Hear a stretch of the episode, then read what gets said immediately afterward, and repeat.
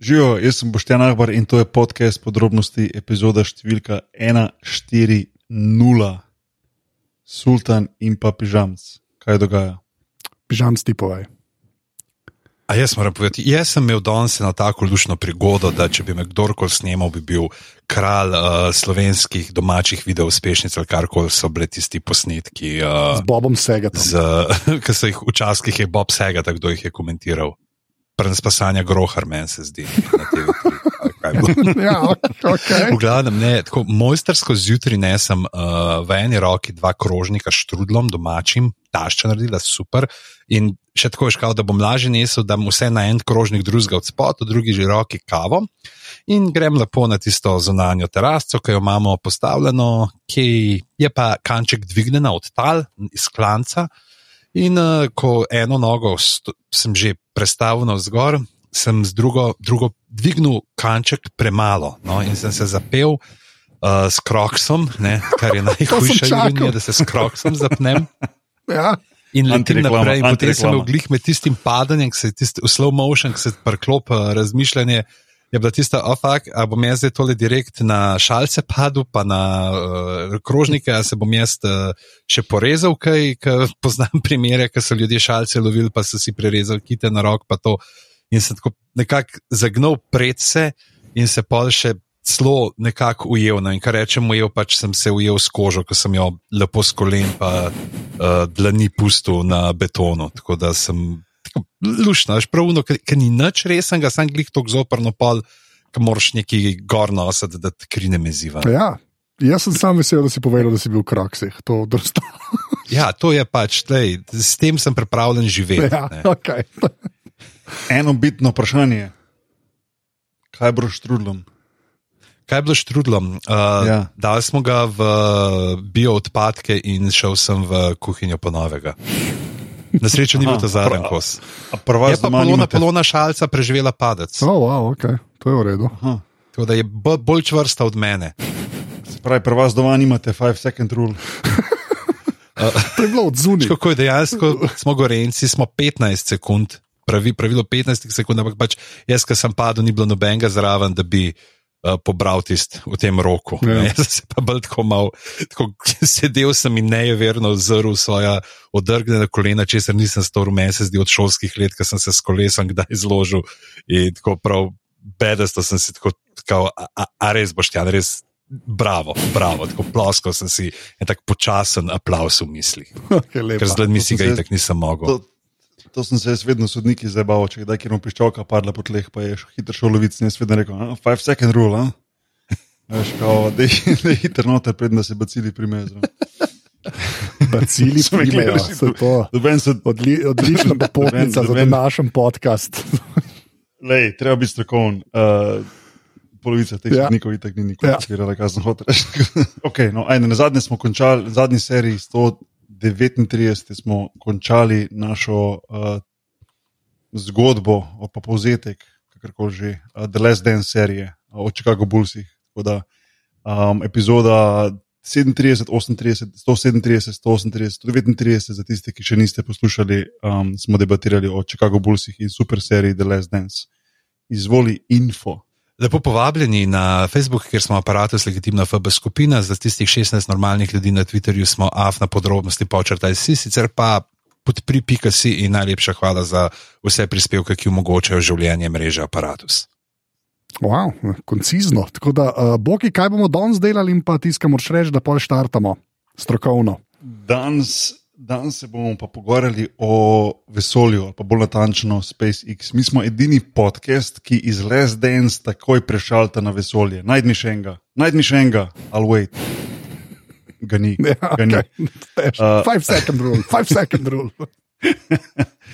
Uh, tako da, ja, danes je pa z nami gostja, docentka uh, na fakulteti za matematiko in fiziko Univerze v Ljubljani, astrofizičarka Dunja Fabijan. Pa ni, bila- ni bila že, mislim, je bila že v preteklosti z nami, tako da ni to nekaj novega. Smo že Ja. stari frendi, bi lahko rekli. Noč, že, štarti zadevo.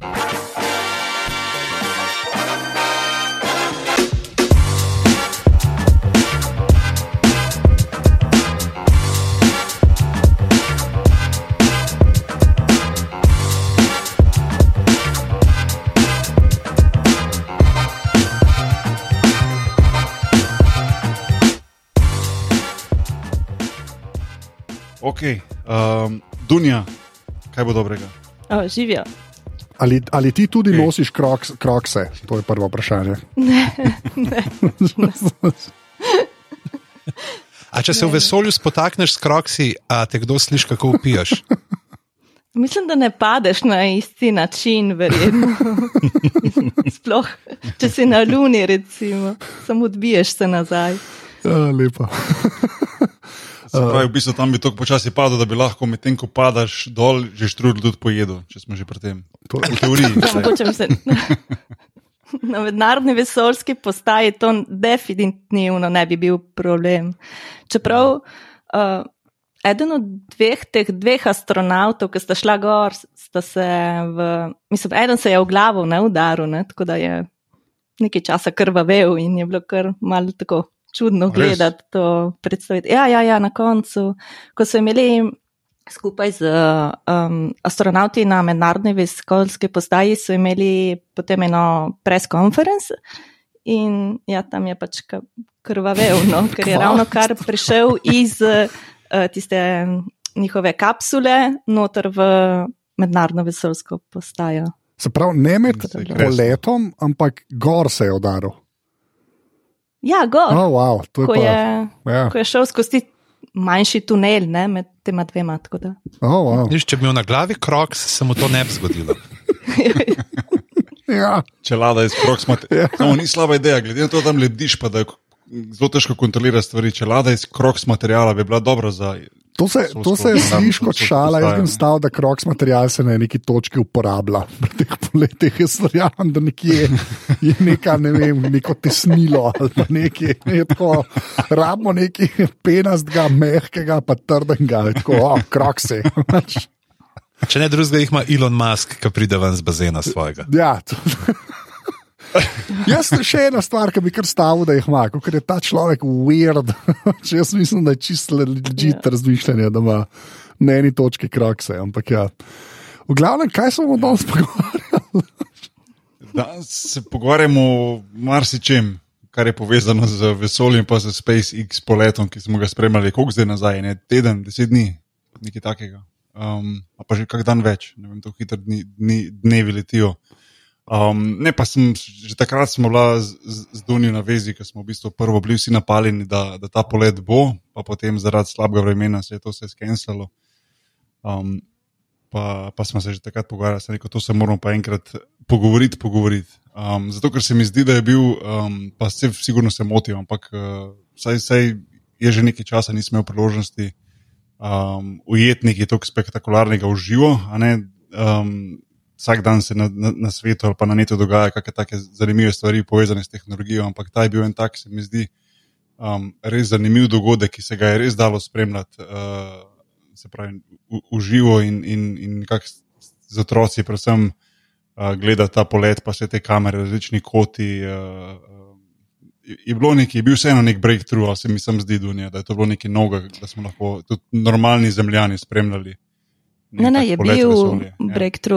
Ker um, tako, če pomislimo, torej pred devetimi leti so upokojili zadnji uh, tam uh, vesoljski čovniček oziroma Space Shuttle. Čevniček. Uh, in, tako. Ja. in uh, to je bila zadnja misija, ne, STS uh, 135.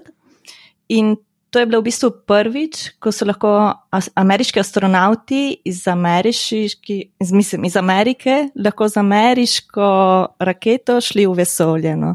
In to je, je bil breakthrough ne samo zaradi tega, ker je bilo vse pač ameriško obarvano, ampak tudi zato, ker je prvič v. Uh, v to vstopila neka zasebna družba, torej SpaceX. Ja. In to je nekaj novega na vsem tem. Torej, SpaceX med drugim ni edina, ki razvija rakete oziroma kapsule za polete, ampak je bila prva, ki je uspelo torej, dva astronauta spraviti gor na mednarodno vesoljsko postajo. Ja, ta drugi je pa od Bezosa, še en milijarder brez masla na glavi, ki hoče v vesolje. Pa skroksi na nogah. Vem, ima Boeing še. A ja, Boeing tudi, ja. ja se ne spomnim ja. imena. Ja, ja, Boeing ima.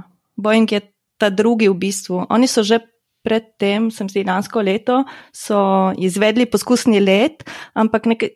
Nekaj jim je šlo na robe, v bistvu se niso utegnili priklopiti na mednarodno vesoljsko postajo, in potem pač zaradi tega se je podaljšala v bistvu doba, v kateri bojo v vesolje postali astronauti. Ja. Tukaj se človek pa vpraša, ne, zdaj s tem vstopom uh, zasebnih uh, podjetij ne, uh, v to ja. uh, vesoljsko popotovanje, kjer je jasno, verjetno za nje cilj uh, potem v prihodnosti nekoč uh, jasno delovati tudi uh, komercialno. Je pravzaprav uh, ta zanimiv podatek, ne glede to, da Amerika zdaj, ko se pravi, 90 let ni uh, sama vozila gor. Ne. Se pravi, prvi čak je verjetno, sta bila te dva astronauta, kot sta bila napaljena, wow, gremo gor z Amerike, sta bila malo žalostna, ker so jim drugi kolegi verjetno povedali, kako so jih uh, Rusi z vodko pogostili, pa z vsem predem so gor leteli. Ne, kao, a, mi moramo pa tlele, pa samen barbecue bomo si lahko prvo šli prej. Uh, se mi zdi bolj druga stvar, ali to pove nekaj o tem, pač, kakšen napredek v znanosti pač zdaj se dogaja tudi v uh, zasebnem sektorju, ali je to mogoče neka klofuta uh, v obraz javnega sektorja, ki pač si tega sploh ne more prvošati, oziroma ne, pač, ker ne dobiva dovolj sredstev, uh, da bi to razvila, kar bi bilo po svoje nekako logično, da uh, ostane vse en tudi nekako v javni domeni. Mislim, da astronauta sta bila vesela, ker sta se s Teslo posvetila nisem popeljala no, do, do, vhoda, dokler niste šla gor ne, na, na to kapsulo. Uh, ampak je, torej, delno je res, da pač javni sektor trpi zato, ker nima dovolj uložkov, istočasno pa si je. Ravno NASA želela, da pride privatni sektor noter. In zato obstaja torej, tako Boeing kot SpaceX, sta v bistvu um, oba dva ste prijavila na nek razpis nazin, zato da bi razvijala te rakete in uh, kapsule, ki bi lahko potem astronaute peljale gor na mednarodno vesoljsko postajo. Tako da v vsakem primeru NASA je točno vedela, da kam gre in istočasno uh, je pa bilo to potrebno oziroma ena posebna stvar, ki si jo je Musk zamislil, je bila ta, da bi um, malo odrezal uh, te velike stroške, ki so jih imeli doslej. Ne? In tisto njegov, njegov razmislek je bil ta, da če že um, mora poskusiti nekaj od te rakete rešiti, zato da jo lahko znova uporabi. In zdaj ena izmed teh stvari, ki jo je lahko lahko torej še enkrat uporabil, je uh, tale prvi stadij, torej prvi del rakete, ki se lahko vrne na Zemljo in pristane. In to je bil tisti bistveni del, torej ta Falcon 9, ki ponese gor to uh, kapsulo, v bistvu se je njegov prvi del tisti prvi del, ki se od, odcepi ne, od te celote, se lahko potem vrne na zemljo in se vrne kontrolirano v bistvu in pristane in zato se ga da večkrat uporabiti. Na ta način je v bistvu on znižal stroške in postal konkurenčen tudi glede na pač recimo sojuze, ne, ki že več kot 50 let nosijo astronaute gor na mednarodno vesoljsko postajo. Ja, ker so juzi pa dejansko vse pokurijo, ne sklepam, ne? to je ta, ta velika razlika. Ja, Tam... ja, ja. So, od sojuzov ne ostane nič v bistvu. Ja. In stanejo, meni se zdi, da sem nekje zasledila, da je 90 milijonov dolarjev, eh, tisto, kar plača NASA, zato da ima astronauta na sojuzu. No. Eh, medtem ko naj bi zdaj eno mesto na tej SpaceX na tej Dragon stalo približno 60 milijonov dolarjev. Wow, to pa mislim, kaj celo rusko ja. ekonomijo v bistvu NASA gor drži praktično. se, se, pravi, SpaceX je tak uh, Wiz Space. Ja, to, to je v bistvu Ryanair, vesolje. ja, ja. ja. Mislim, to je res nekaj, kar sem slišala, da je nekdo govoril o tem, da je v bistvu kukar nek Ryanair. No? Ali pa primerjava, um, ne čakaj, kakšna je bila že primerjava, ja, kakšne. Uh, zakaj je bila tako pomembna vremenska napoved in zakaj so do zadnjega počakali, predno so Falcon 9, torej predno je vzletel. Uh, in zakaj lahko Sojuz leti, ne glede na to, kakšna je vremenska napoved, ali skoraj. No? Uh, zato, so, in primerjava je bila. Ne, primerjava zato, je bila. Ker so Rusi odgovor. ne, ne. ne, odgovor je bil, da je kar primerjava med Nokia 3310 in smartphonom. Uh, Falcon 9 je dosti bolj tehnološko pač napreden in delikaten, medtem ko je Sojuz nekje kot Nokia 3310. Tako da Ja. Se pravi, Tesla lahko nekam vržeš in se nič ne zgodi. No. Nekaj takega. Lepa. Ja, tako kot je so rekel, Rusi. Tesla pa lada, to je kar v redu. Ja, tako. A, wow. Ja, ker tako ne glih to uh, lepo vreme. Je bilo tudi uh, v tem, v Space Force, ne če ste to že gledali, zdaj ta, ki je Greg Daniels, ne Ja, od ja. Office, pa uh, Steve Carell je ravno to imajo na začetku, spet na bojoš, pač imeli ta eh, poskusni uh, zlet oziroma utiritev v orbito uh, zaradi slabega vremena. ne. A, ali bo šlo z, z dežjem ali ne, ker imajo tam imajo pa nekaj, da preračunavajo.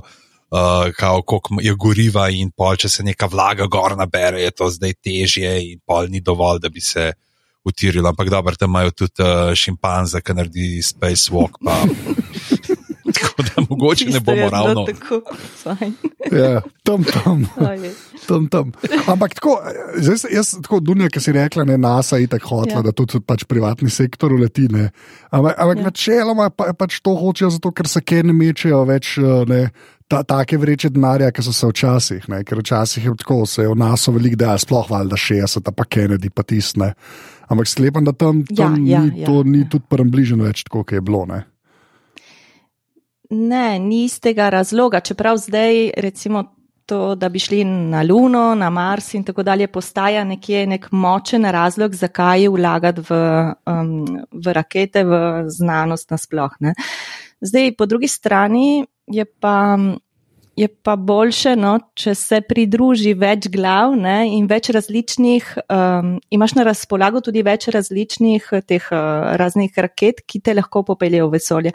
Konec koncev, enkrat, ko Space Shuttle ni bilo več, ko so ga zares upokojili, je bila edino Sojuz tista, ki je lahko peljala astronaute gor. Tako da, če Sojuza ne bi bilo, Ja. ki je pač bila drugače razvita in drugačna, ne, drugače delovala, uh, potem tudi astronauti ne bi mogli na mednarodno vesoljsko postajo in bi projekt kot tak mednarodne vesoljske postaje propadel, kar bi bilo škoda ne, v teh letih, da kar naenkrat pač se ta stvar uh, zamre ali pa zapre za deset let. Ne. In, in to so vseeno stvari, ki se dogajajo na roku, ne vem, desetih, dvajsetih let, ne, da razviješ neko tako raketo. In to pač verjetno bi se z javnim denarjem samo v eno stvar, um, konkretno pač um, začeli tisto razvijati, medtem ko lahko z zasebnim sektorjem razvijajo več različnih uh, pač različic tega. Ne. Ja. No, je pa res tudi, da so pač tako hoteli že mnoga šatla delati, ne? pa, pa je tudi ti so se neki zamrli z nekimi, tako, ki bi bil skoraj praktično sam lahko letel gor, pa ne vem kva, pa je vse propadlo več ali manj. No? Tako Da, ja. To se pravi, dejansko so bili tam v neki pisarni, ne vem, ki je v Kazahstanu, boh veš, kje so juz letijo, eni modeli, ki tako. "O, Malo skoraj upamo, da tole ne rata. Ja, Neka pisarna je bila tako zelo razdeljena. pride gor in reče: Fak, ne bo regresa. ja, več ali manj. Ja. Okay, to pa, jaz nisem vedel, da je taka razlika. Jaz sem mislil, da, okay, da je Sojuz bil glih takrat a ne kot full alternativa šatlu, glih zaradi tega, ker je bil tok cenejši kot šatl. Ne? Ker Sojuz je dobesedno dva modela v eni taki eh, krvavec, uni, uh, kaj je gondoli in to je to. Pač ni, ni, ni, pa, pa, pač ogromna raketa gor prepopana, ampak ja, ne, to, to je krepsko, resnici. Vedel, To, to je res, to, to je tako, to je za tretjino manj, ne? to res ni mal, to ni. Ja, ok, to je pa oren, orenk uh, uh, razlika. Ne? Sam, Ja, sem Space Shuttle je bil tudi, ne, je bil pač dejansko večkrat uporabljen. Ne. Ja, pa ne vse, ne. jaz mislim, da samo je- dva Ja. boosterja, ne, ke na začetku, ki sta dol padla, pa šatal, un ta velik tank, pa že spet ne. ne. Je dober, Ne, ta velik ja. tank ne. Ja, ja, ja. sam ne vem, če a je bil šatl še enkrat lahko uporabljen, ko je pristal. ja itak. Ja, ja, ja. ja, ja. Aha, okay, to nisem- Ša, mislim, ja, šatle so večkrat uporabljali, se, mislim, zaradi tega tudi prišlo do nekaterih nes, nesreč, ne? zato ker so se tisti, kaj so že bili tista keramika, ki je bila spodaj, se je nekaj obrabljala. Ja, ta črn del ne, je neki. Po enem izmed teh je bila Ja, ja, potem posledica tistega, da je. Ja, no, pa valjda šatel je bil iber, iber dražji, ker tam pa nista samo dva človečka noter, ne, ampak gre cela posadka, pa še prtlažnik ima. ne. Ja, To je pač. zdaj se ne spomnim točno številke, meni se zdi, da je sedem ne, število ljudi, ki Ja. ga lahko, mislim, ki ga je šatelj lahko peljal gor. Uh, Sojuz ima pa tri. Ne. Uh, zdaj tale SpaceX uh, bo pa tudi lahko imel za sedem ljudi uh, prostora. A ja, celo tako je, večji bo lahko sedel, dejansko. A, Ja, ja, ja. ja. okay, to tudi nisem Sam, sam bil je pa ne, če- na pogled je bil pa še vedno šatl daleč najboljši. No. A ni? Mislim, meni je to bil Ja, najbolj tak. tudi ideja no? taka, da Ja, ja, pelješ top, no, več ljudi, res. ne, da je to res nek šatelj, to da je nekaj drugega. Ne? Ko gledaš to kapsulo, pač Tako tak, tak, tak, ni tak, isto. Ne? tak Bentley v primerjavi z vsemi ostalimi, se mi zdi. ne, Tak Rolls Royce, tako prav komota, veš, letalo pismo, no, so pripopali na raketo in se je potem lagano nazaj dol spustil. Tisto je bilo kar, tisto je bilo kar, kot bi rekel, že epsko. če Ja. Čeprav meni še lepši je bil Buran, ki je bil fake šatel od Rusov, ki so ukradli načrte in naredili svoj šatel. Pa mislim, da ni nikoli šel za res v vesolje, ampak so ga sam testirali. Meni še malo lep zdaj, isti zgleda, knock-off, stari. Ja, ja, ne, mislim, vse tako, zgleda kot nokov, zgleda sko, do, do 95 posto pride. Pol se pa vidi, da, so bolj, da je vse skupaj bolj oglato. Več, tako, ker je pač rus. Čak, nikoli ga niso Lada, dal gor. ne. Ja, lada, to. Exactly, pižam, lepo. Ampak praviš, da nikoli ni, nikoli ni šel. Ne, v mislim, da ne, vesolje, mislim, ja. da tistega so sam tako testirali, ni pa nikoli šel v vesolje. Ja. Mm -hmm. To me tudi. Ne, bil je v orbiti, je bil 15. novembra 88. A Ja, no, to, je, to je že dosto resnic. A ja, 88, zdaj vemo, zakaj ni šlo to naprej. Če je kje denarja zmanjkalo. Ja, pa, pa ne bi 93, ga ne bi bil še enkrat, bi šel gor, je bil naslednji plan, spet brez posadka, ampak ja, pa, pa zaradi um, razpada Sovjetske zveze uh, pa je zmanjkalo denarja za take projekte. Um, Dunja, a te, a ti je bilo kaj, um, tako, a te je kaj ekstra presenetilo, zdaj, ko sta šla človeka tako uh, pač, uh, tudi gor, ker itak ta, ta Falcon smo zdaj že parkrat gledali, kako leti pa pristaja, pa to ne. A ti, a ti je kaj tako ekstra izstopal uh, pri tem launchu, ne vem, ko so to sploh pri uh, vzletu. Izstrelitvi. Izstrelitvi, hvala, pižam za to. Mislim, pri strelitvi kot take mogoče ne. Mene je tako malo presenetilo, kako je, izgledalo, kako je izgledala notranjost tega. Mislim, jaz se sicer ne ukvarjam tako dosti z astronautiko, tako da ni, da sem tak super entuzijast glede tega, tako da nisem vnaprej vedela, kaj, si, kaj naj pričakujem no, tega. Ampak eh, ta, to, da sta bila drugače oblečena, to, da so bili, mislim, pred sabo sta imeli ne tri monitorje, ki so čisto drugače delovali, tudi tako, mislim, vizualno je bilo nekaj, nekaj čisto drugega, kot kar pač stari space shuttle, ne, kjer si videl vse tiste gumbe. Ne. Ne. To je bilo vse nekaj elektronskega, sploh ni bilo nič, mislim, nisi videl gumbov, ne, vse so, so, ampak Pač vseeno, skrini ne, se tako da posod. je- Ja. Ja, ja, skrini so ene, tri večji skrini so, zato da gledajo telemetrijo in pač ostalo spremljajo. Potem imajo verjetno tudi kakšne, kakšne gumbe, kakšne stvari za, za, za upravljati, zato ker potem pri samem dockingu, torej pri, um, eh, pri pove, p- povezovanju z mednarodno vesoljsko postajo, lahko tudi manualno, torej ročno upravljajo. Uh, zdaj ne vem, če so to naredili, meni se zdi, da, šlo, da je šlo vse to avtomatsko, ampak imajo na razpolago pač te manualne, torej ročne komande, da lahko se pač priklenejo na, na mednarodno vesoljsko postajo. Se obstaja en tak uh, SpaceX ISS simulator tudi za. Se lahko človek vadi tudi doma, če želi. A res, a je to lepo. Da je lušno. Bomo dali Ja, ja, ne, docking le, lušno je, lušno ja. je. lepo. Ja, ampak to, ok, za docking valjda rabiš nek joystick, no, ker drugače jaz res ne vem, kako bi to Ja. šlo na touchscreenu, čeprav sem vedno boljši v PUBG-ju, ne nisem. Ampak uh, hočem reči, da Tudi ne tablete imajo, ker se ja. morajo nekaj zapisovati, medtem ko so v letu. Tako da ni. Je bilo precej različno tistega, kar, kar je bilo enkrat. No. Ja, ampak mene je v bistvu to isto presenetilo, bolj iz tega razloga, ne, ker tako kot vsi ful pač uh, za, za Teslo, ki pravijo, klenot je pa sam touchscreen. Ne. Pa jaz še zdaj nisem čist prepričan, da je to najboljša možna ideja. To, to največkrat tako preberem, tudi pri teh kritikah teh modernih avtomobilov, nekaj več, več ali manj. Mislim, tako večino komand skušajo dati v touchscreen, ker pač tam moraš res gledati, ne, k, ki pritisneš stvari. Ne? Če imaš ti gumbo v avtu, ne vem za ventilacijo, ne? pa veš, kje je, lahko še zmeraj na cesto gledaš, pa z roko šaraš, ne? če je treba. Uh, klepa, I guess. A kaj pa panika, če ti kdo nasprot propelo po tvojem Ja, pasu? ne, se, se to pravi, exactly. Klepa pač tega ni, ne? ampak mi je pa vse en tako, glede na okolje, v katerem si. eh, Ta uporabniški umestnik mora biti kar prilagojen, to niso glih eksaktni gibine. A veš, v polke začneš lebdeti, ne, pa pritiskati. Tako da mora biti kar pestro. Pa veš, kaj, kaj če se pokvar zaslon? Gademet.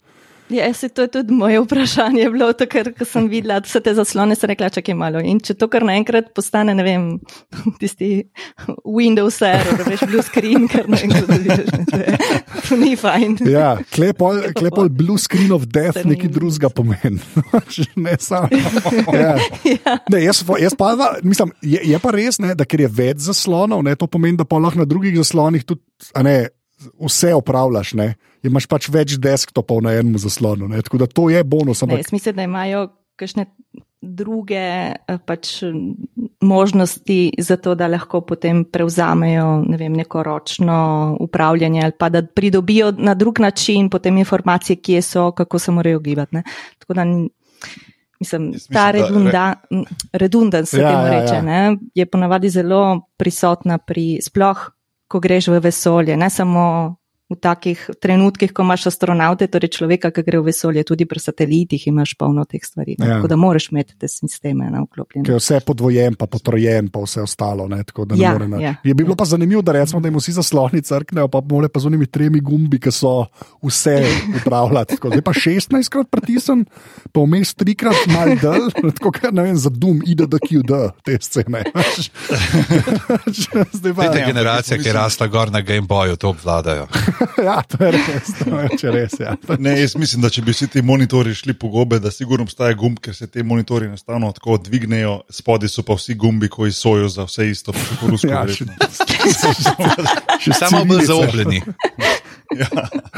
A veš, pač, to je pač kao sem šminka, veš, dejansko spodaj. je pač- Ja, ne, drugače, eh, glede na tisto, kar smo prej rekli od Rusov, kako so to Rusi spremljali, ne, je ena taka zanimiva zgodbica, ne, da je pred, eh, pred časom, uh, ko so Združene države Amerike uvedle sankcije proti Rusiji, je nek eh, ruski pač ne astronaut, ampak zdaj je on direktor Roskosmosa, je rekel, da pač.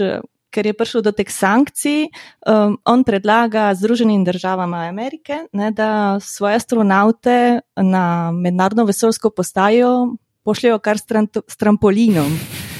In zato mu je zdaj, ko mu je uspelo gor poslati astronaute, mu je Elon Musk odgovoril, ja, trampolin dela. In to je zdaj tweetno, mislim, da 30. maja. Ja, Tako da wow, ja. ja.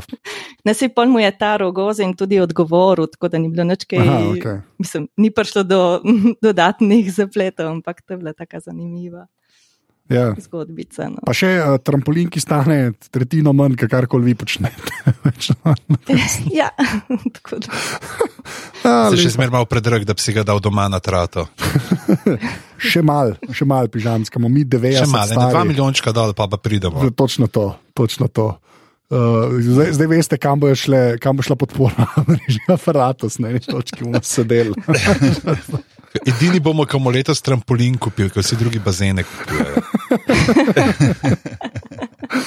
Me- Meni, kar mi je bilo še tako malo, uh, saj uh, so, tudi sem videl, par ljudi je to um, komentirali, so bile pa pač te, to, kar si Dunja omenila, te obleke. Ne? Ker moram reči, da so na promo šotih in prej dosti bolj kul cool izgledale. ke- Tako, prej prej zgleda, kot da bomo dobili neke take epske, ne vem, alpina pancerje, pa so šli pa gor v kroksih, tako da kaj je izgledalo. Ne, Saj meni, ste kar mal bogos tam izgledali, da je super, da vse funkcionira. Sam, ja, ni, ni, ni, ni, ni to kul, cool, kot bi mogli biti, v resnici. No, tako rekel. Ampak ja, No, sam je veliko bolj fut, futuristično napram to, kar smo bili prej navajeni. Vseeno, te linije, pa čelada, pa sem pa ti. No. Pa ja, po, po eni strani, ja, tako po, malo bolj- drugi, po drugi strani pa, kva pa vem, meni uno se mi zdi, ti se kar tako zelo ikonično, ne, tisti NASA, ne, sud, ne, kar tako. Saj kaj meni se zdi tudi, ne, uh, da zdaj tle me Dunja popravlja, če je to uh, uh, narobe razmišljam, ampak pač tisto, kar smo pri nas videli, pa kar je bilo sploh, recimo, ne, Luna. pa to je uh, dejansko pač bilo narejeno za zunaj. Da te obleke so pa mislim, da so take, da pač ne predvidevajo, da bojo v njih zunaj hodili, da to dejansko samo pač more prenesti tisto radiacijo, kar je znotraj uh, modula samega, ne pa, ki greš direkt v uh, mednarodno vesoljsko postajo potem. Uh, torej, ja, te, te so obleke samo za noter, torej da, da vzdržijo potem celotno pot. Astronauti niso pa namenjene za tale extravehicular activity, to pomeni za aktivnosti izven. Um, izven mednarodne vesoljske postaje, ko grejo kaj popravljati ali kaj takega. Da, mm, Se pravi, to so zdaj šlapi, un so pa pol najkice. Kire, to je res, devo. Ja, čeprav tudi meni so izgledali malo čudno, jaz sem malo navezana na tiste stare. Ne vem, se mi zdijo bolj, um, bolj resnične. Ne? To se mi zdi kot tako malo modni defile, ne zgleda, kot boš še tako oblečen astronaute gor. Ne vem, no. Vse razumem, ne? da mora biti vse črno-belo, pač Tesla, pa mora biti, ne vem, ne vem. No, Jaz sem dobil feeling, da je Elon Musk full Halo igral. ja, ja Master Chief, točno to. Jaz sem jih hotel reči, da če lada je meni še kul, cool, če lada mi je v bistvu dosto redo, sa, sama obleka je pa tak, tak pocen neopren, mi zgleda. No, Za Deft Punk, backup dancer. Je. Ja, tako, tako. tako. Lepo. Oh, Prežar. Si ne vem, mogoče bo pa ne vem, kakšno modno uh, pač tole.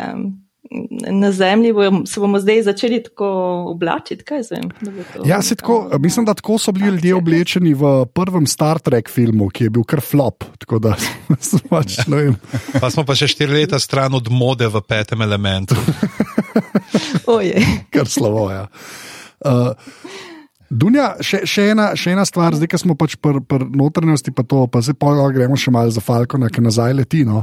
Ampak tisto, kar je meni, recimo, zelo, zelo všeč, uh, uh, je pač še grafika med samim vzletom. Veš, ko, kako je vse uh mhm. -huh. narejen, ko, ko pač lahko spremljaš, kaj je tisti tist pol krog od spodaj, ki ti kaže, pač na, v kateri fazi je vse skupaj.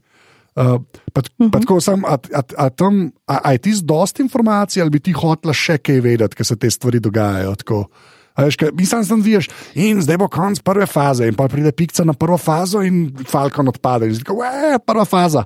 A, a, a je še kaj, a, mislim, tako, a je še kakšna informacija, ki bi jo bilo vredno vedeti, ali pač sem dosti, da nam povejo, kje se bodo stvari odlepile in hvala lepa. Mislim, Tiste, ki so jih imeli na tem polkrogu, ja. kot praviš, so bile res tiste ključne informacije. Ne? Tako da so res vsi lahko spremljali, kaj se je dogajalo z vsemi temi deli rakete, ki so se počasi odcepili. Uh, in tisto je fajn, zato ker se mi zdi, da v bistvu vse skupaj se, se mi zdi, da od vzleta samega se zgodi v devetih minutah, vse te glavne stvari. Uh, Po drugi strani mi je bilo malo škoda, da se potem ni polagalo, saj več bolj, mislim, tisti, ki so sledili, so mogoče sledili samo izstrelitvi.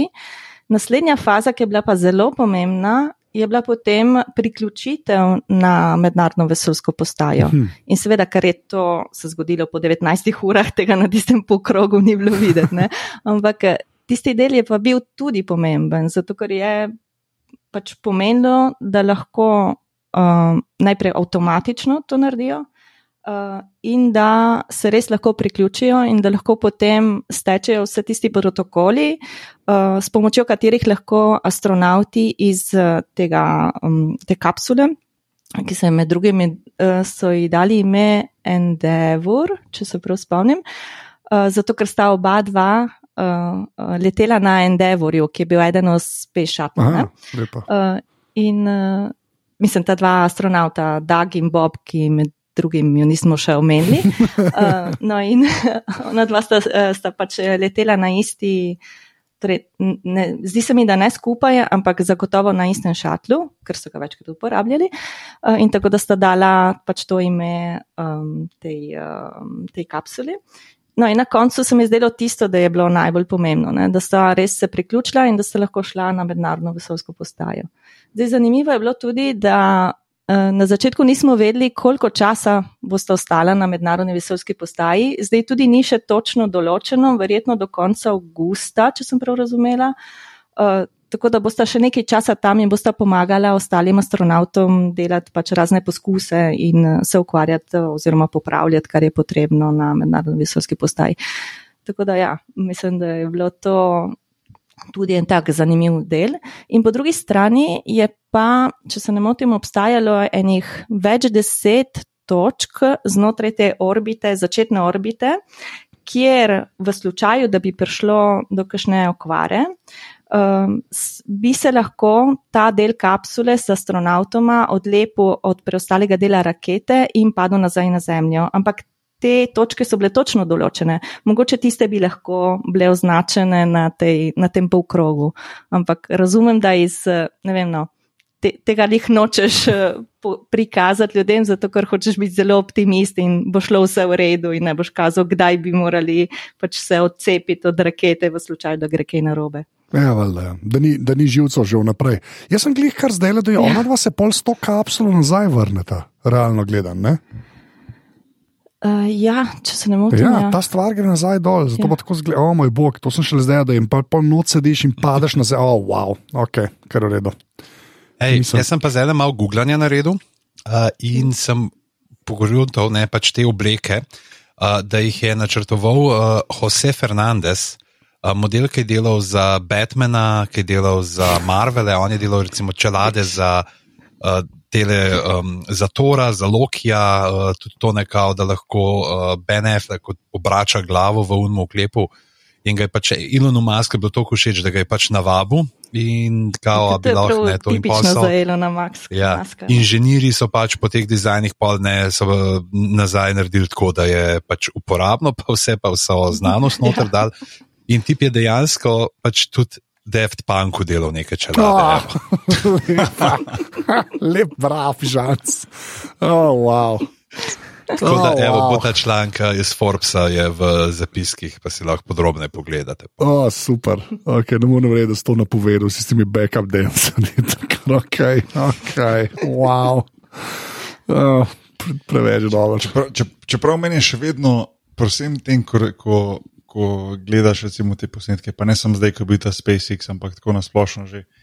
Meni je daleč najbolj neugodna stvar, bolj kot to, da te poženejo gor za ne vem, koliko tisoč km na uro, mi je, mi je klastrofobičnost prostorov, teh, teh kapsul pa tega. To je meni, mislim, mislim to, je, to, je, to se meni zdi, da bi za mene v nekem takem hipotetičnem lifeu, kjer bi jaz bil astronaut bila daleč od tega. Svojo višino se ti ni zabavati, da bi moral kaj ta zgolj. Ja. Ne, pa se bi, mislim, se bi, jaz bi, jaz bi, sam prek te klastrofobičnosti ne bi prišel. To me, to me veš, kje bi ti lahko letel po vesolju, v Expense, ta, tam bi bila vidva s Tomo, tam bi bila Belter. Ja. Belter ja, bi bila točno to, raztegnjeni že po defaultu, dva vretenca preveč. ja. Ne, sej, ta dva astronauta sta letela udobno, ker konec koncev na tej kapsuli je prostora za sedem. Ja, samo nekaj uf. Ste z tega na daš, ko, pa, ko srdele jih polno nabašaš.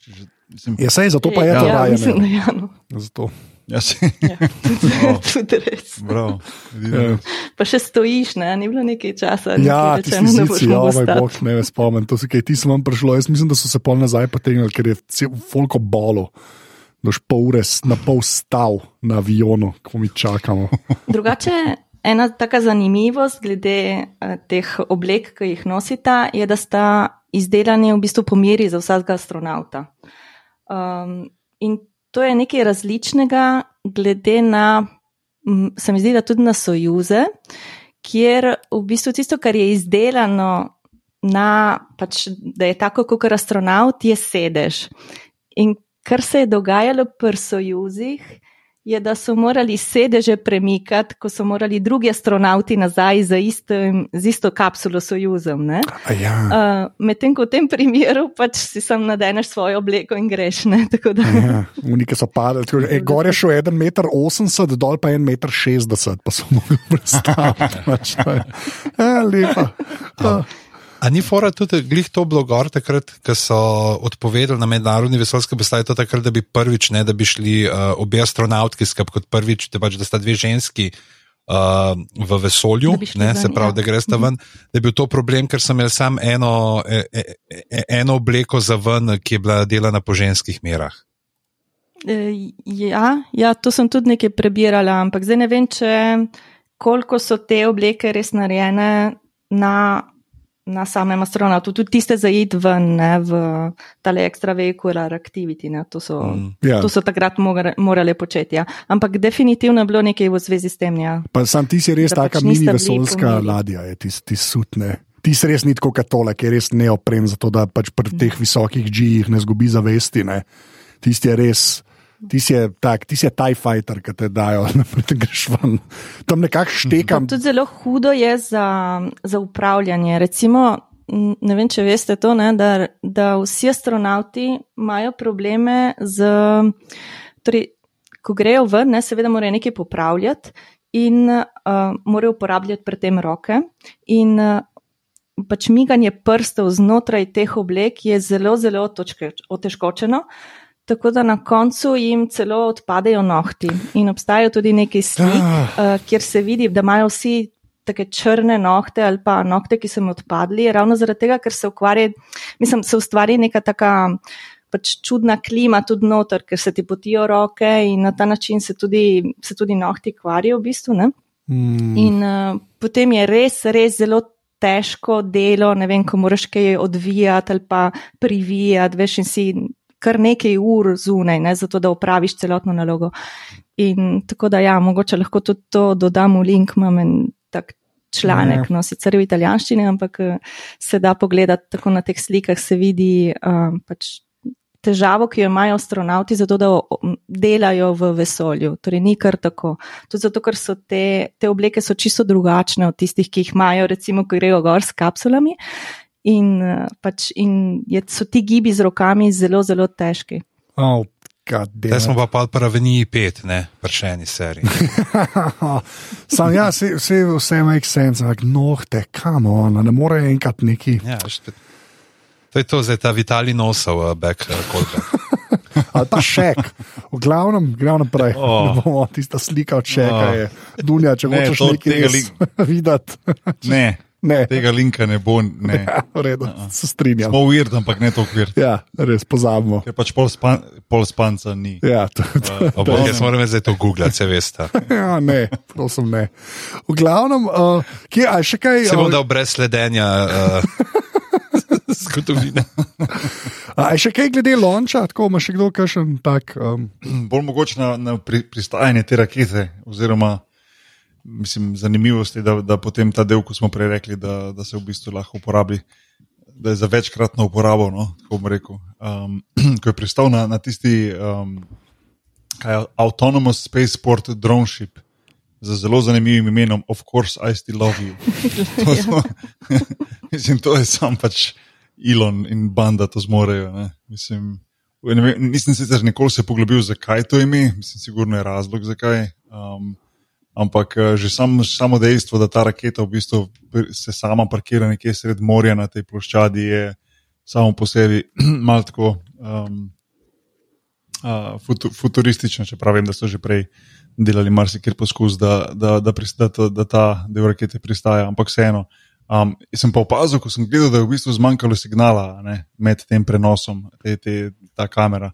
Uh, in, in nisem bil eden tistih uh, teorij zarote variant, ampak eh, sem videl pol par dni zatem, da se je folk že začel spraševati, ali je to sploh res, da to pristane, zakaj je zmanjka, zmanjkalo TV prenosa, liho pristanku te uh, rakete.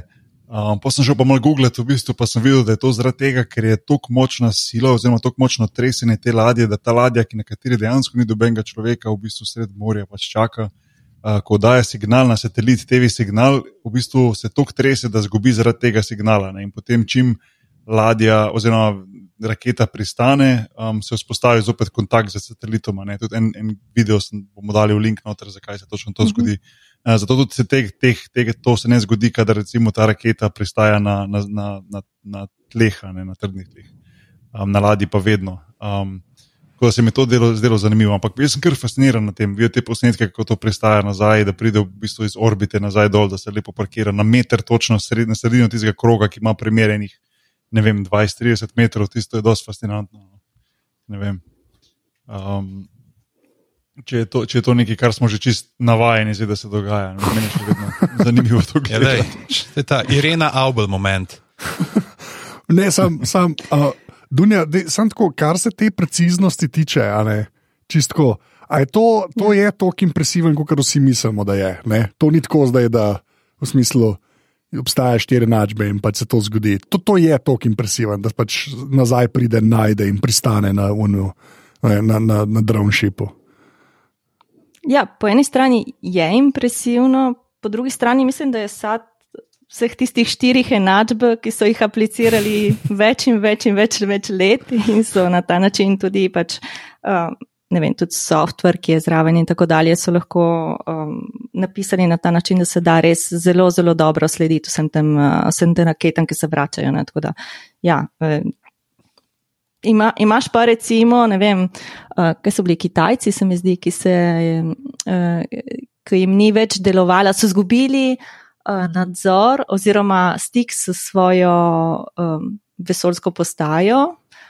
In so potem rekli, pač nekam bo padla, niso povedali točno kam. In najbolj zanimiv, bil, mislim, zanimiv del je bil ta, da so jih vprašali, ja, sej lahko poračunamo, ne, kam bo to padlo. Pa so rekli, ja, sam mi vam ne moremo dati vseh podatkov, zato ker so pač uh, tajni. Tako da so se nekaj časa mal iskali, ampak potem so lahko pač iz, iz drugih podatkov dobili orbito te in, in so potem poračunali, kam bo potem padla. Ampak ja, Kitajci niso imeli. Mi smo se izognili rebootu serije Dead Like Me.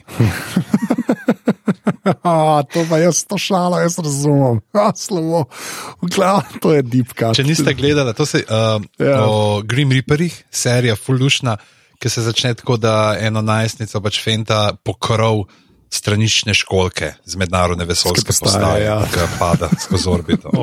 ja, tako res dobro. Ampak je super, Mandy Petek in noter igra in tako lušna. Ja, tako iz 2000, pa mislim, da je HBO bil, ne? a ni, mislim, a ni, a Showtime mogoče, no, mm. neki tasga, en premium cable je bil, ja, ti so lokarevsko. Ja. Um, Showtime, ja. Showtime, ne, ja, lepa je. Ja.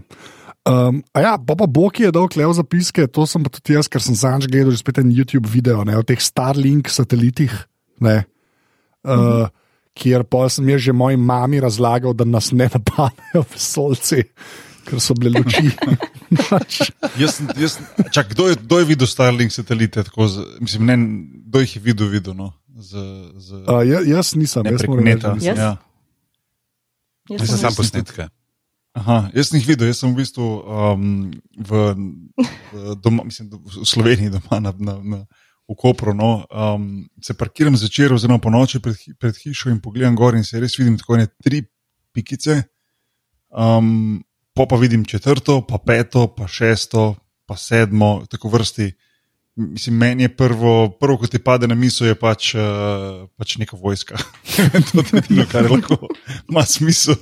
Rečeš, ok, uh, vesolci, ok, let's be real, um, pol imaš, ok, dedek mraz ni, ker pač ni letni, ni bil čas za to, se drugače bi sam ni bil jih. Um, pa pa, uh, spoh, ker nisem sploh vedel za to prej in v bistvu sem, sem mislil pač, ok, neki vojaški avioni, ampak pismo, a veš, tako tak, tak, tak je čudno, res, ker so v idealnem razmaku, v tak, ista brzina, um, pa mislim, da jih je bilo, po mojem, vsaj 10 ali pa 15, recimo, vrstino.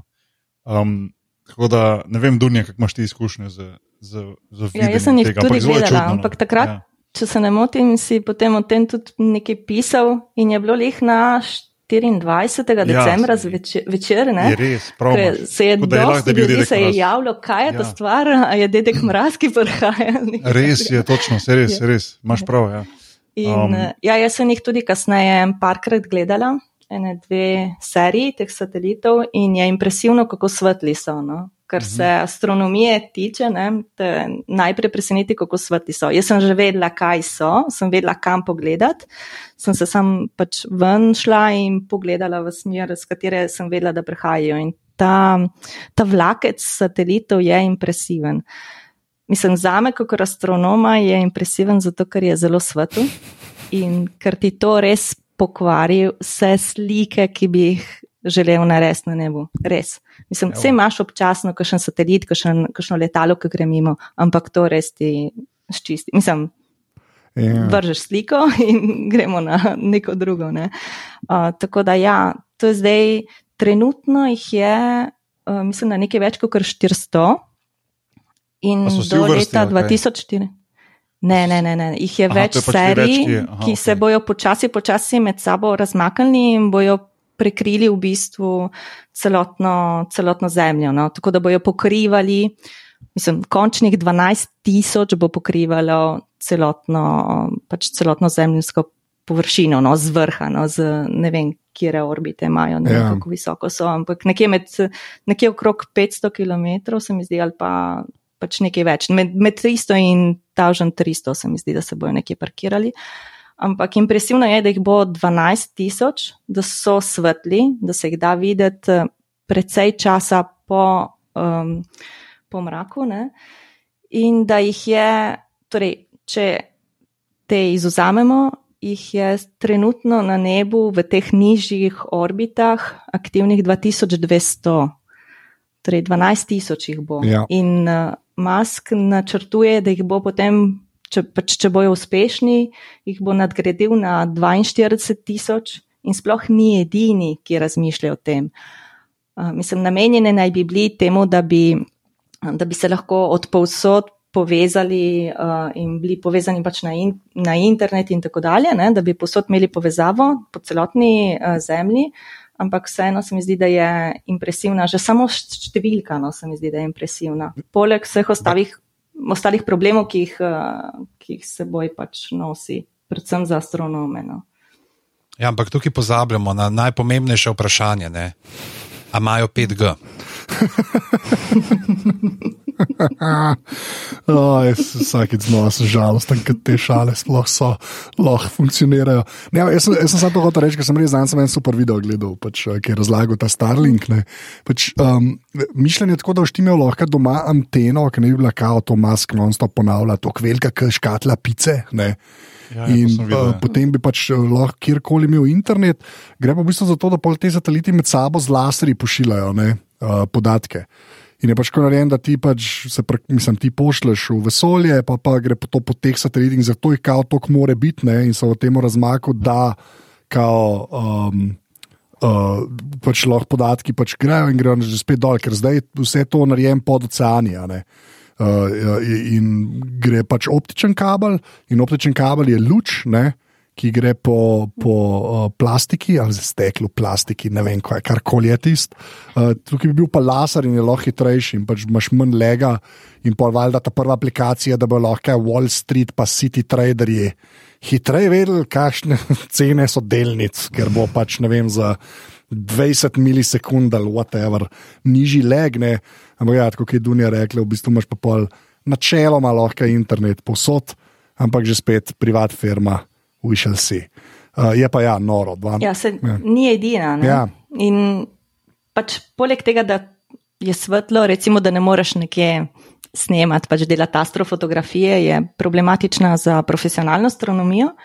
Zato, ker kar želiš delati, recimo, je zelo, zelo dolge posnetke enega manjšega območja vesolja in tam skušaš dobiti čim več informacij, torej čim več svetlobe v tem primeru. Ne? In gradijo se razno razni observatoriji, ki bojo zdaj v kratkem začeli delovati in imajo zelo, zelo velike težave, ker se jim bo pač skrčil uh, ne samo čas delovanja, ampak tudi območja, ki jih bojo lahko gledali ob določenem času. Ne? In to je problem.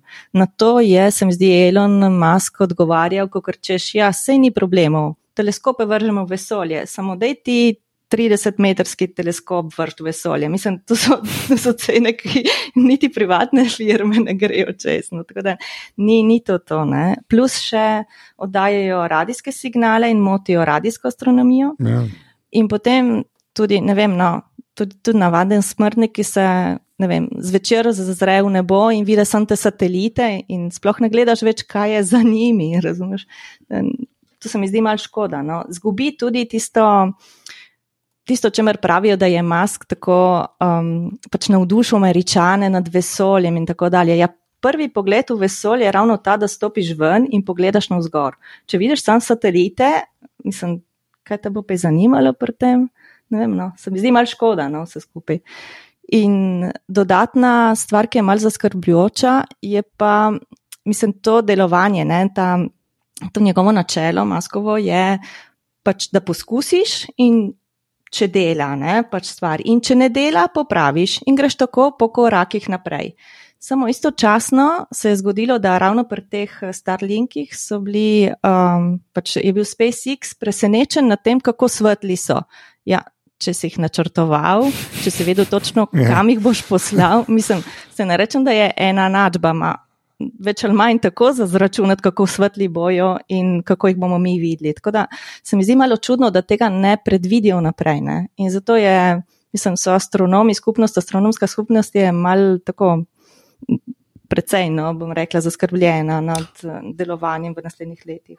A, a, pa, se, a pa se pričakuje, da bo za, za prosto oko, tako kot smo recimo mi dva to videla, um, da, da bo tako močno vidlo, vidno, samo da jih bo na mesto 10-15, potem res ogromno, sicer večjim razmakom, pa da jih bo ne vem, čez tisoč, oziroma nekaj sem videl tukaj, zdaj celo številko 42 tisoč. Ja. Mislim, ne vem, kateri orbiti bojo potem na koncu pristali. Ne? Sem definitivno jih bo mal preveč in tudi, če jih bo samo nekaj, ki jih bojo tako vidni, recimo do konca leta, mislim, da jih bo enih 700-800 na nebu, kar je precej. Ja, če si prej rekla, da je kaj 2000, ne, je zdaj nekih reči, ki ja, to, to je konkretno ja, ja. povečanje. Ne. Ja, ja, ja, ja. Tudi niso tako majhni. Gre, gre za satelite mase okrog 260 kg. Ni, ni, ni majhen satelit, ni tak mini satelit, ki ga res ne vidiš. In plus še pač imajo večje te solarne panele in to odbija svetlobo, nimaš kaj. Ja, Jaz edin, edin, kar sem videl, tako je vsaj malo, mislim, nam rekel spodbudno, no, ampak je tako, da bo ena, če se kjer pokvari ali karkoli, pa dol pade, ne, zelo malo reči tam bi, bo preživel do zemlje. Ne, jaz sem neki elementi, ki so glih za te laserje uporabljeni, ki pač morajo biti tako trpežni, ne, da vse ostalo načeloma izgori. Ne, tako da saj, saj ja, to, ampak istočasno. Uh, je bilo pred kratkim, se je pa zgodilo, da je bila, eh, torej en izmed teh satelitov je bil v orbiti nekega ezinega satelita, Eolus, se mi zdi. In, eh, no, in EZA je takoj, ko so ugotovili, pač, da so, uh, reč, da, ni, da ni nič ta možnost, da se da trčita, ne, so pač kontaktirali SpaceX in rekli, da je premaknjen vaš satelit. In SpaceX uh, nič ni naredil, tako da, so, da je mogla EZA svoj satelit premakniti. Zdaj, seveda, tukaj se lahko zmenimo, ampak 12 tisoč satelitov ti ne nameravaš nobenega premakniti. Mislim, ne vem, no, meni je malo čudno zgledano, tako da sem precej kritična nad tem, nad, tako, nad, takim, nad takim delovanjem, no, da nisi pripravljen se ti umakniti tudi ker obstajajo pač neka pravila v vesolju, ni da zdaj. Ker greš. Pač gremo, kdo se bo, pač gremo trčiti, če res ne, mislim, če res se nočeš umakniti, pač se neki trmamo eden z drugim, ne, ni, ni to to. Sem... Mislim, da je tle edino prav, da damo med uh, zapiske potem vesoljne smeti od Mihe Kralja. pa hočem sem reči, da kako predvidljivo od firme, ki jo fura Elon Musk. Zato bom rekel, je res ne. ah, ja, res. Malo ljudi je tako dobrih in slabih, lahko naenkrat. Uh, res zelo. Posebnik, da moraš reči. Ja, pa, no, ja, res, to, ni, res poseben. Dunja, no. če rečeš poseben, se mi zdi, to, to je na, na koncu je mogoče pozitivno. Model je kar luni, sploh zdaj le med korono, on je malo luni, to ni ok. ne, sej ni samo on tam noter, mislim, on je glavni, ampak recimo tista glavna, se mi zdi, da je ena ženska, ne, pr, um, pri SpaceX-u. Ja, ampak veš, zmeram, veš, vse te firme odsevajo ponovadi uh, uh, svoje šefe. Ja, to pa je. Ja. Veš, to, ja, mim, ja, mim ja. tega Queen ne moreš. Queen Shotwell. Aha, okay. Ja, tako je. No, dobro.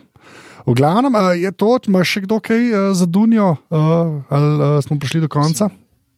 Pa mislim, da moramo omeniti tudi, zaradi česar je bila Dunja prvič v aparatu. Tako. Aha, yes. Yep.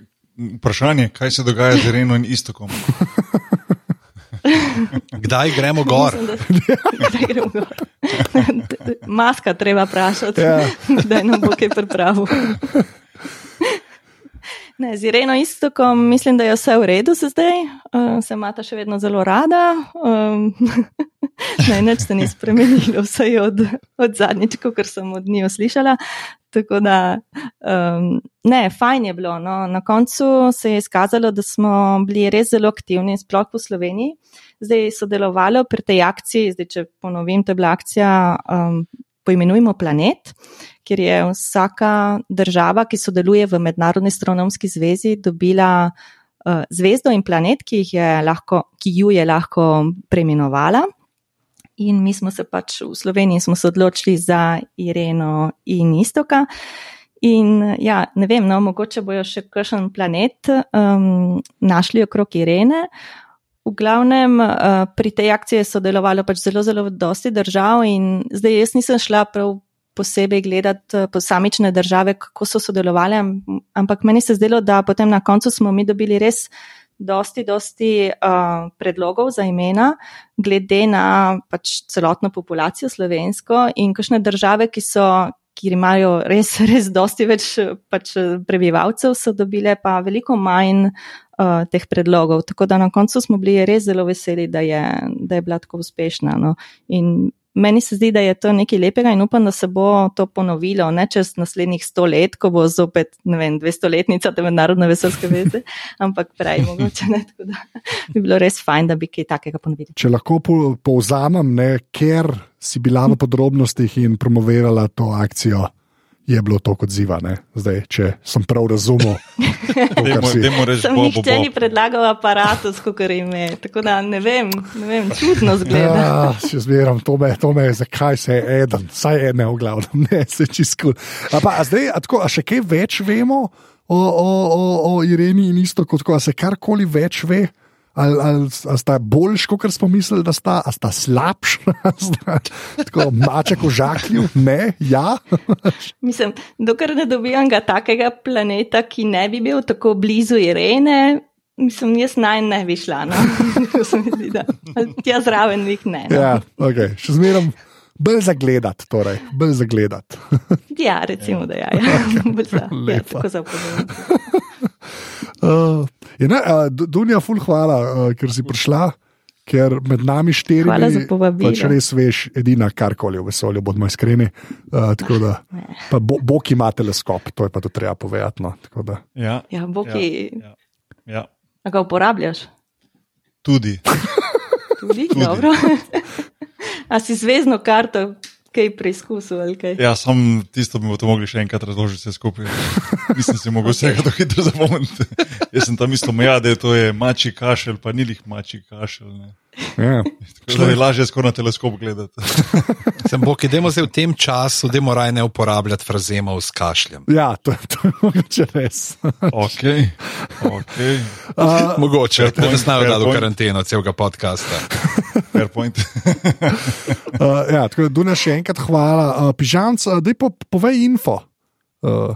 Ja, vsekakor, že uh, lepo povabljeni na Facebook, kjer smo aparatus, legitimna FB skupina, na Twitterjih smo uh, afna. Uh, Podrobnosti počrtaj si in pa seveda podpri pika si, ker nas imate radi, skoraj tako, kot imamo mi radi vas. Globoko. Uh, Dunja, kje pa tvoje stvari ljudje najdejo na internetu, uh, da uh, kje ja. vse pišeš in ostalo? Najdejo me na Instagramu, na Twitterju. Um, na Facebooku in na spletni strani. Pač, če me poiščejo, me najdejo. Ja, posod, vse ime bo itak v zapiskih ja. in vse ostalo. Tako da, ja. Ja, ja. Uh, tako da ja. Noč, uh, to, to, to je več ali manj to. Uh, zdaj pa um, lahko uh, Dunja naj najprej reče adijo, ker je gostja, ne? tako da rečeš lahko adijo. Adijo. Uh, pižamc, ne vem, kaj boš rekel, neki reč. Av. Adijo. A zdaj si še lepo dol. ja. Kako je to, ki je veliko telo in pa ja. pridajo te živčni državljani. Recimo temu, da ti moji živčni državljani so še ta optika ne, pod ja. oceanom, še niso do Spacey, do Starlinka prišli. Ja. Jaz bom sam rekel adijo in pa Bog ki reče tisto, kar mora reči. Srečno, pa ne za večno.